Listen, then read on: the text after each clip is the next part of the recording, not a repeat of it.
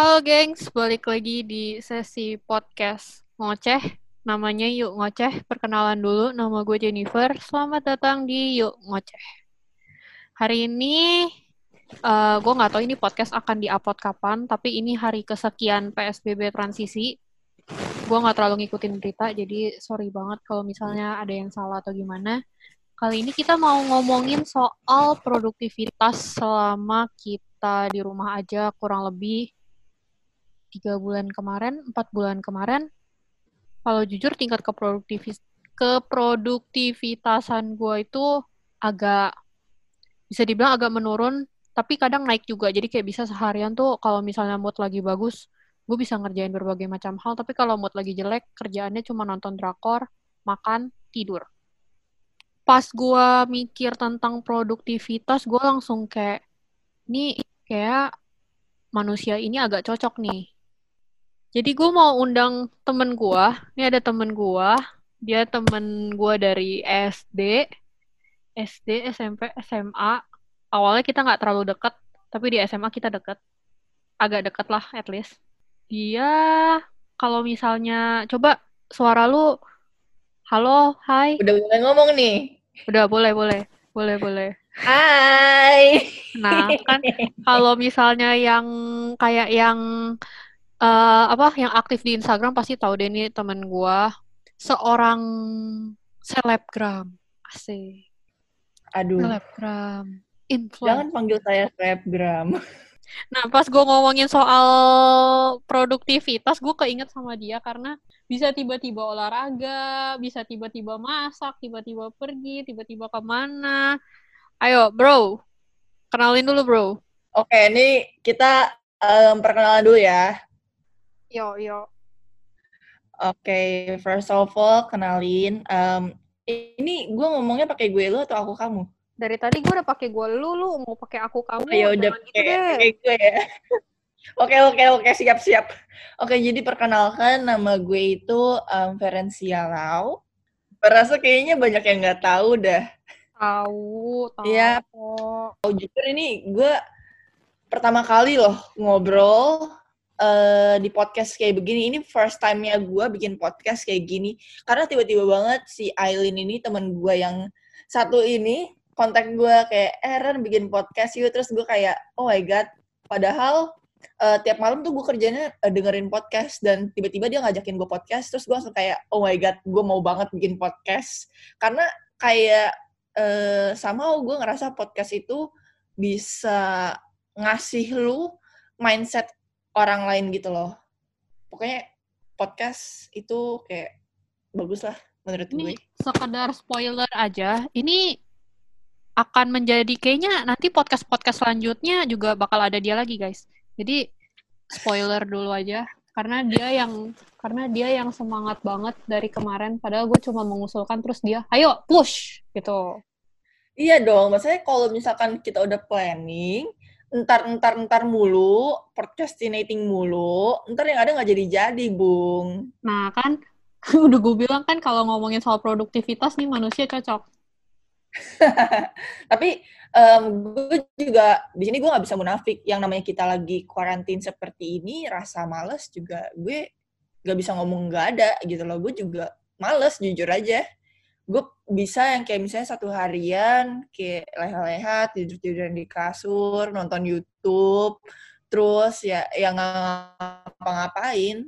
Tapi gue tipikal orang yang kalau misalkan gue ada kerjaan, oke okay, gue selesain dulu. Abis itu baru gue bisa leha-leha. Itu uh, eh abis tugas gue kelar ya udah gue bebas gue mau ngapain gitu Oh, berarti kurang lebih sama lah ya kayak gue, gue juga kayak gitu. Kalau ada tugas kayak prefer kerjain dulu, kecuali kalau lagi kayak moodnya down gitu. Nah uh-huh. itu itu itu butuh banget yang namanya istirahat. Nah iya iya. Karena lu kalau misalnya lu belum selesaiin tugas lu, bakalan kayak kerasa kayak beban pikiran gitu loh kayak aduh ini belum selesai yang ini juga belum selesai aduh ntar nambah lagi yang ini gitu loh jadinya kayak semacam panik sendiri gitu loh gitu jadi gue ini kita udah masuk ke topik gue belum nanya kabar lu gimana uh, apakah ada apakah ada yang berbeda dari masa normal masa psbb dan masa psbb ini transisi? Ya kalau mau dibilang jujur ya pasti ada bedanya dong. Kayak for example, lu ngerasa nggak sih tahun ini kita uh, kayak lewatinnya cepet banget tiba-tiba udah pertengahan tahun aja sekarang bulan Juni kayaknya setiap tahun begitu deh uh, biasa tiap tahun itu pasti kayak berasa gitu loh kayak oh per bulan ini ada project ini per bulan ini ada project ini per bulan ini ada project ini sedangkan kayak tahun ini tuh bener-bener kayak waktunya tuh berjalan ya udah plong aja nggak ada nggak ada schedule apa apa ya, kayak sih. berasa beda aja gitu Kayak misalkan kita yang normal nih, misalkan kita udah planning mau ngelakuin A, B, C, D, E. Tiba-tiba hmm. semuanya cancel gara-gara corona. Kan itu juga maksudnya berasa banget dong. Dampaknya itu berasa banget. Bukan cuma di kehidupan sehari-hari aja, tapi menurut gue juga kayak uh, berdampaknya ke mental juga. Kayak jadinya ngerasa kayak, aduh gue biasanya nggak kayak gini nih. Biasanya gue ngelakuin sesuatu. Tapi tiba-tiba ya mau nggak mau kita harus stay aja di rumah kayak gini itu um, efek banget sih awalnya kan kayak menurut gue pasti sih ini semua orang semua orang pasti ngerasa sih. Awalnya pas kita disuruh di rumah aja dengan itu kondisi tiba-tiba banget kan kayak uh, eh, gue nggak tahu sih jadwal kuliah lu gimana. Btw kita kuliah di tempat yang sama tapi di tempat yang berbeda juga. Uh, pas masa trans pas masa yang dari kita normal ke PSBB itu emang jujur itu berat banget pasti. Gue gue rasa lu juga akan ngerasa itu berat banget karena yang tadinya kita boleh keluar terus tiba-tiba kita di rumah dan langsung duar gitu loh. Soalnya kayak ibaratnya tuh bom langsung jatuh gitu. Meledak duar. Iya, iya. Gimana iya. sih? Gimana cara uh, gimana caranya kalau gue sih jujur kalau gue sih jujur, gue berusaha untuk menerima semuanya.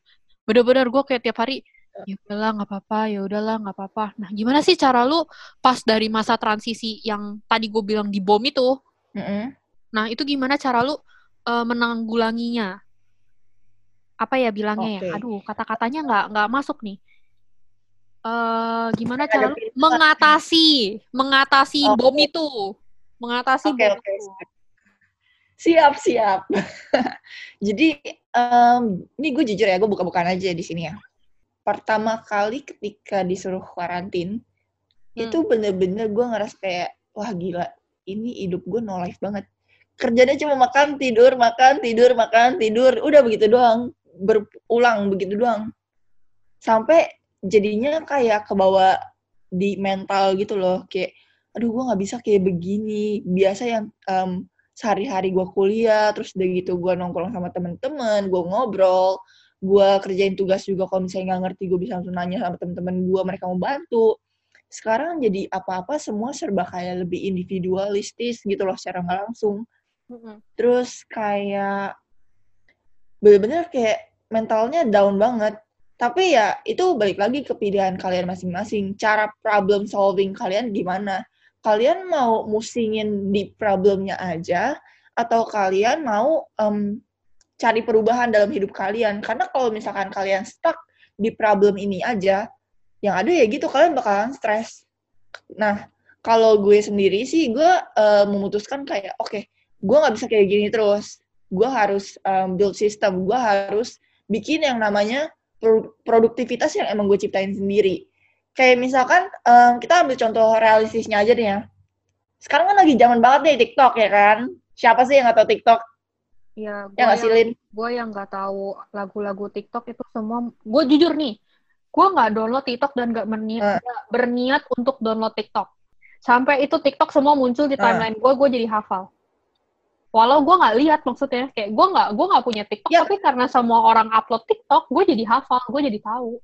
Nah, bahkan um, sebenarnya uh, orang yang tadinya anti TikTok banget, kayak aduh TikTok mah alay ngapain download. Sekarang jadi punya TikTok. Sekarang malah jadi joget-joget, entah dia gonta-ganti baju, entah dia masak-masak di TikTok. Banyak banget kegiatan di TikTok. Tandanya ya um, orang tuh um, mencari kesibukan secara tidak langsung, ya nggak sih? Entah itu berfaedah ataupun tidak.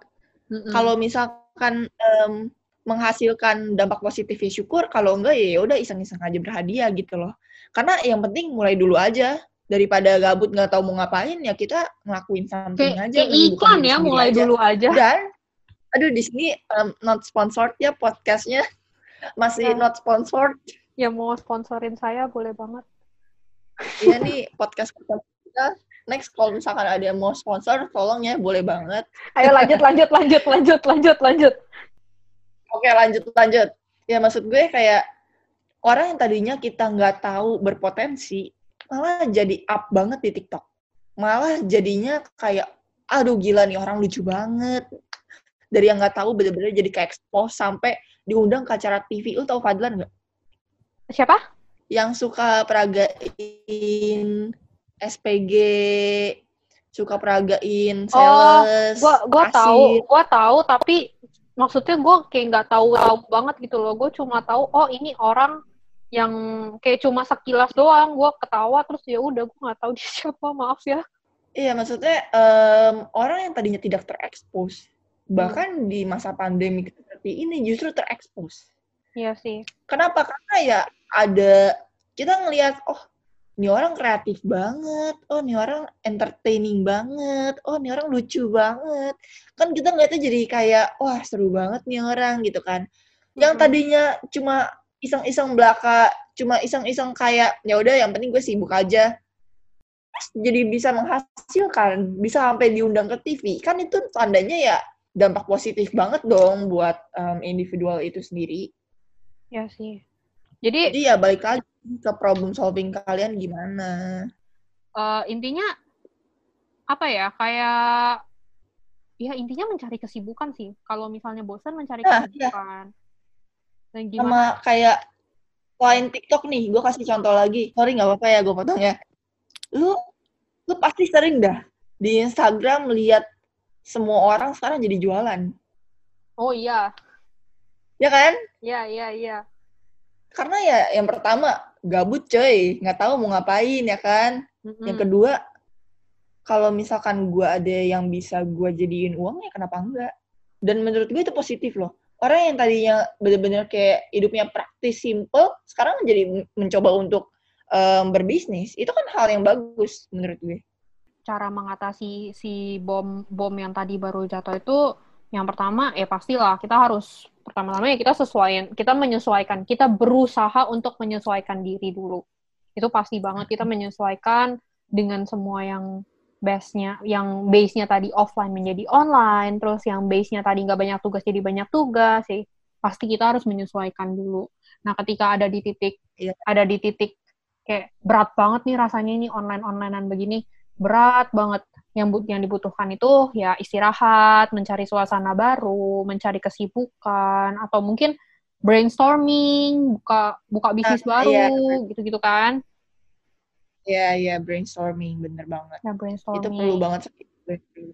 Sebenarnya Karena ah di brainstorming tuh menurut gue penting banget di masa sekarang ini. Karena kan kita nggak tahu ya ke depannya tuh bakalan kayak gimana. Bahkan di kondisi yang sekarang aja juga kayak belum pasti juga solusinya. Bener-bener kayak kita harus tetap brainstorming ikutin situasi yang emang bener-bener real saat ini gitu loh. Bukan berdasarkan sejarah lagi. Karena sejarahnya tuh sekarang udah kayak transisi tercatat sejarah yang baru gitu loh adat yang Hmm. baru gitu Hmm. Nah, ngomongin transisi nih, transisi.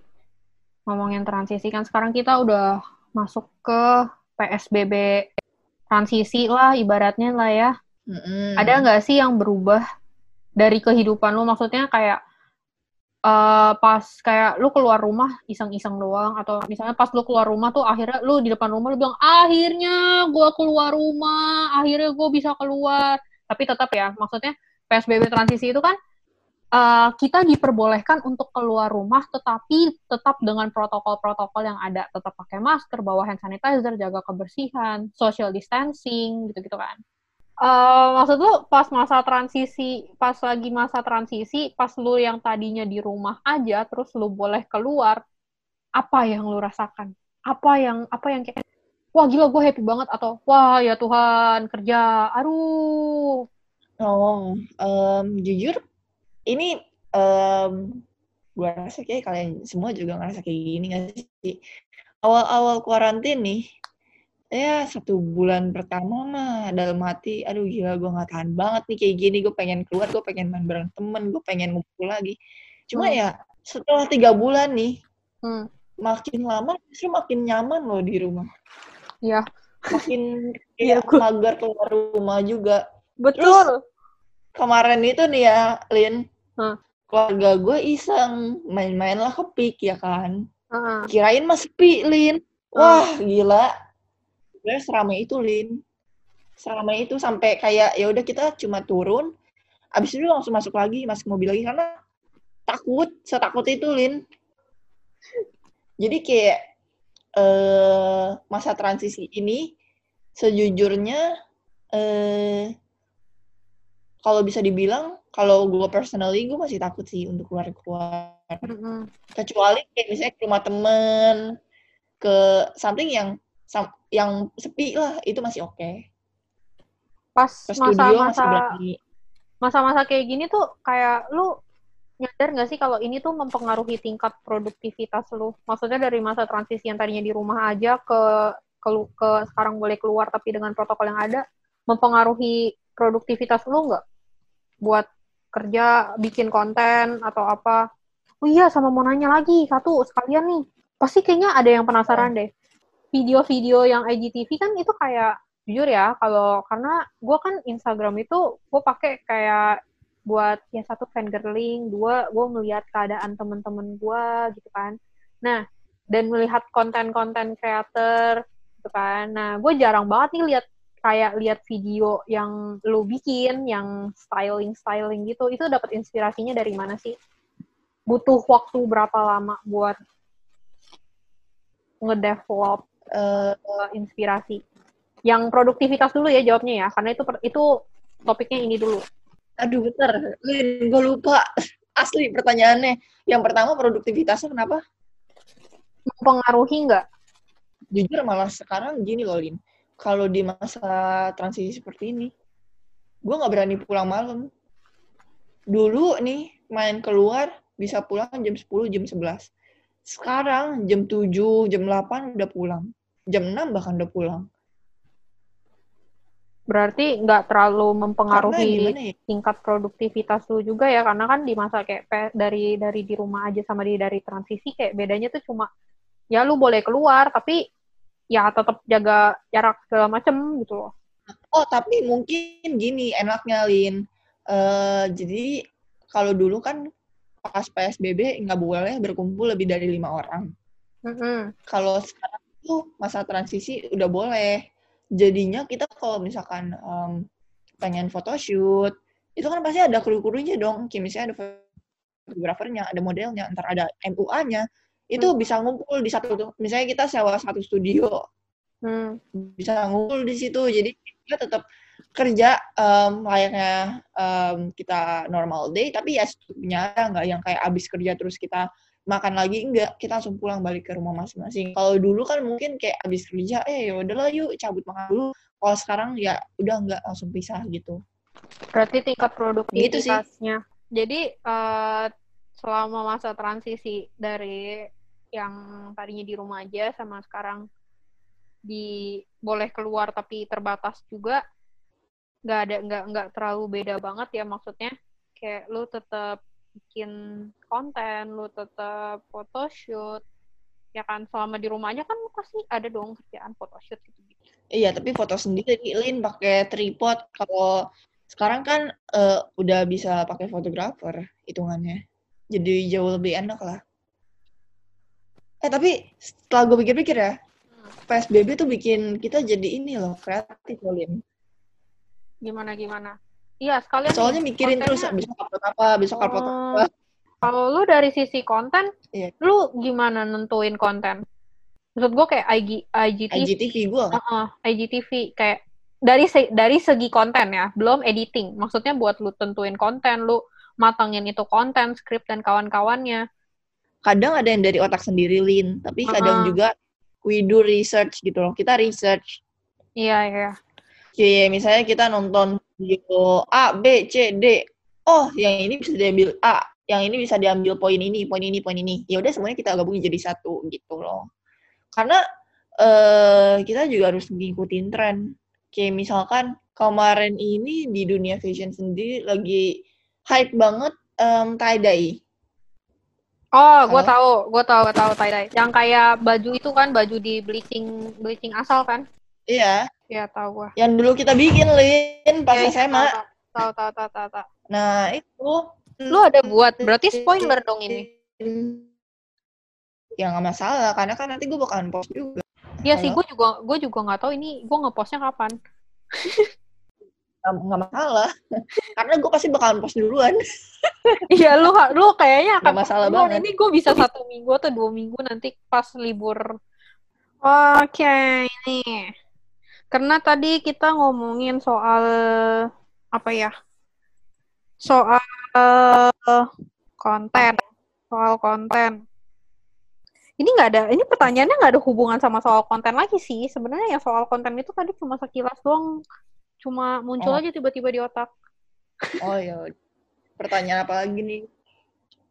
Ya, gue mau nanya. Jadi, eh selama lu di rumah aja, ada nggak sih lu yang ngerasa eh lu berubah gitu loh? Kalau gua, kalau gua, karena kan lu tahu kan dulu tuh gua, lu lu kalau ngajak gua jalan tuh gua selalu bilang gua nggak bisa karena gua lagi ke sini, gua lagi ke sini, gua lagi ke sini, gua lagi ke sini gitu kan. Kalau sekarang kan lu yang susah. Paham.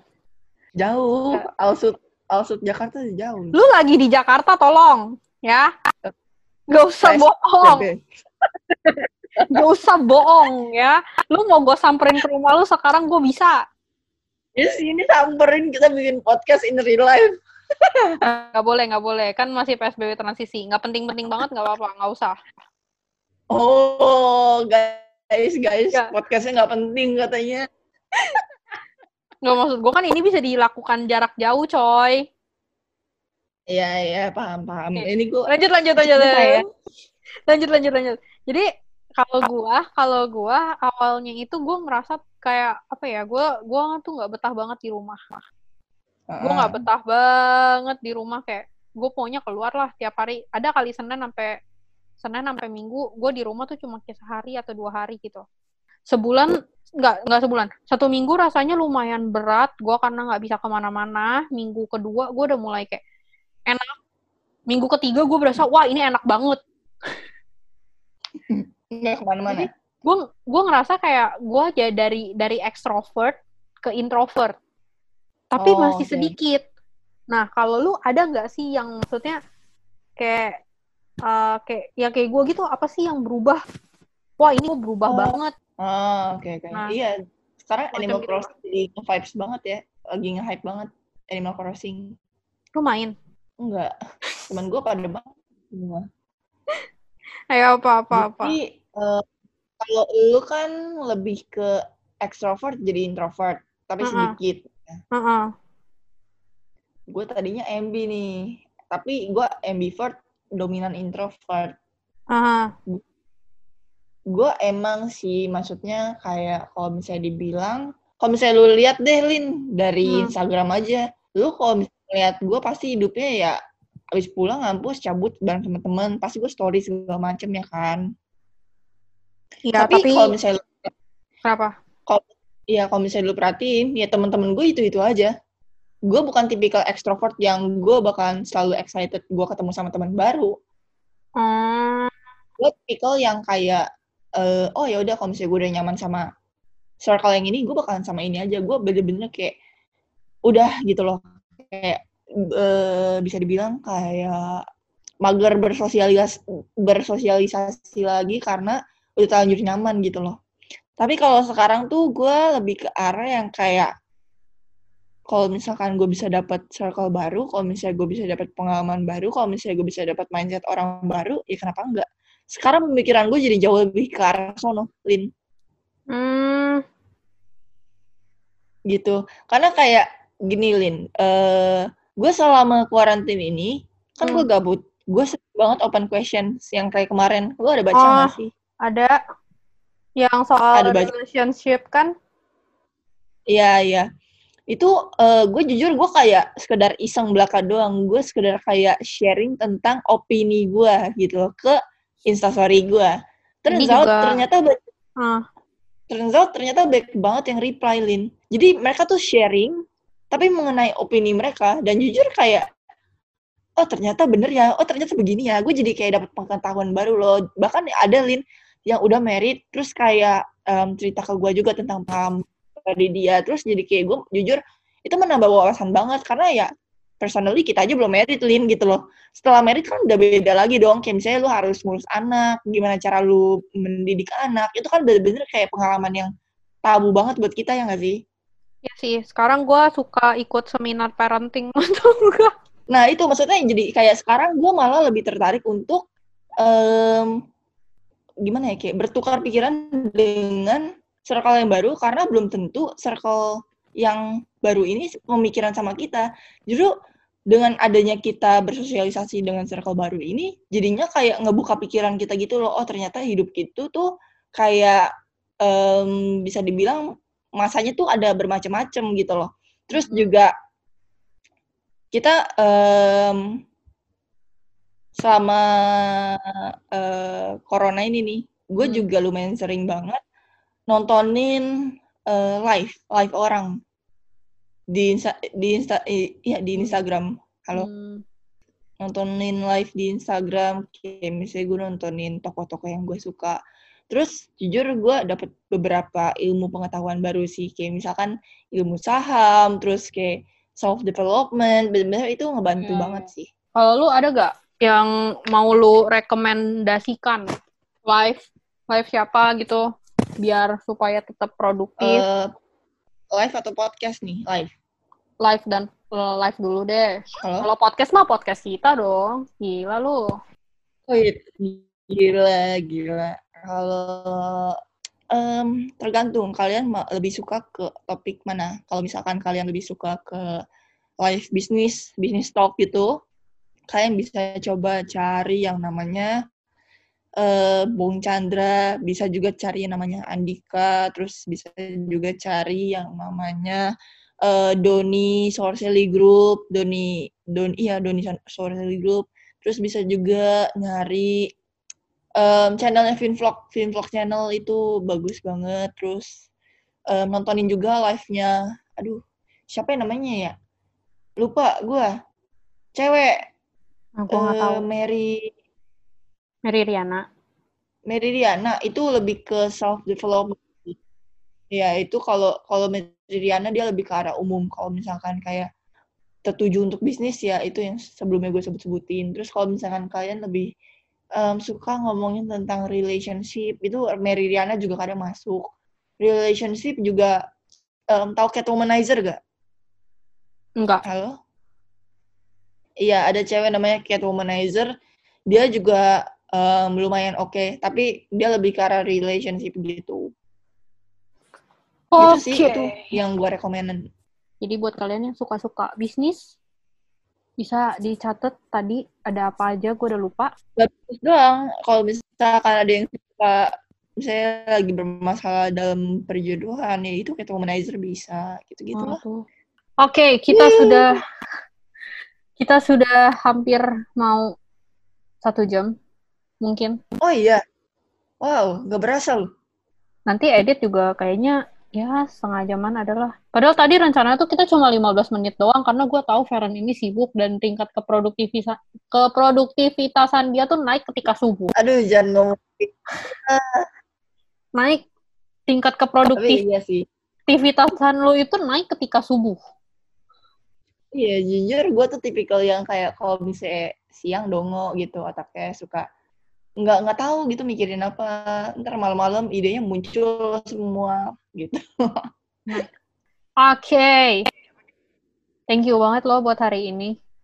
Eh thank you juga. Ini ada yang mau ditanyain apa lagi nggak? Uh, di episode selanjutnya aja ya. Kan kita masih ada jadwal lagi nih. Oke siap. Beneran kan? Gue booking dulu nih nanti. Tiba-tiba lu menghilang nggak ada kabar. Gue booking nggak, dulu nggak. Di thank you banget loh Yeay, thank you, thank you. Thank you banget. heboh banget. Nah, gue udah tahu kok lu akan seperti itu. Tenang aja.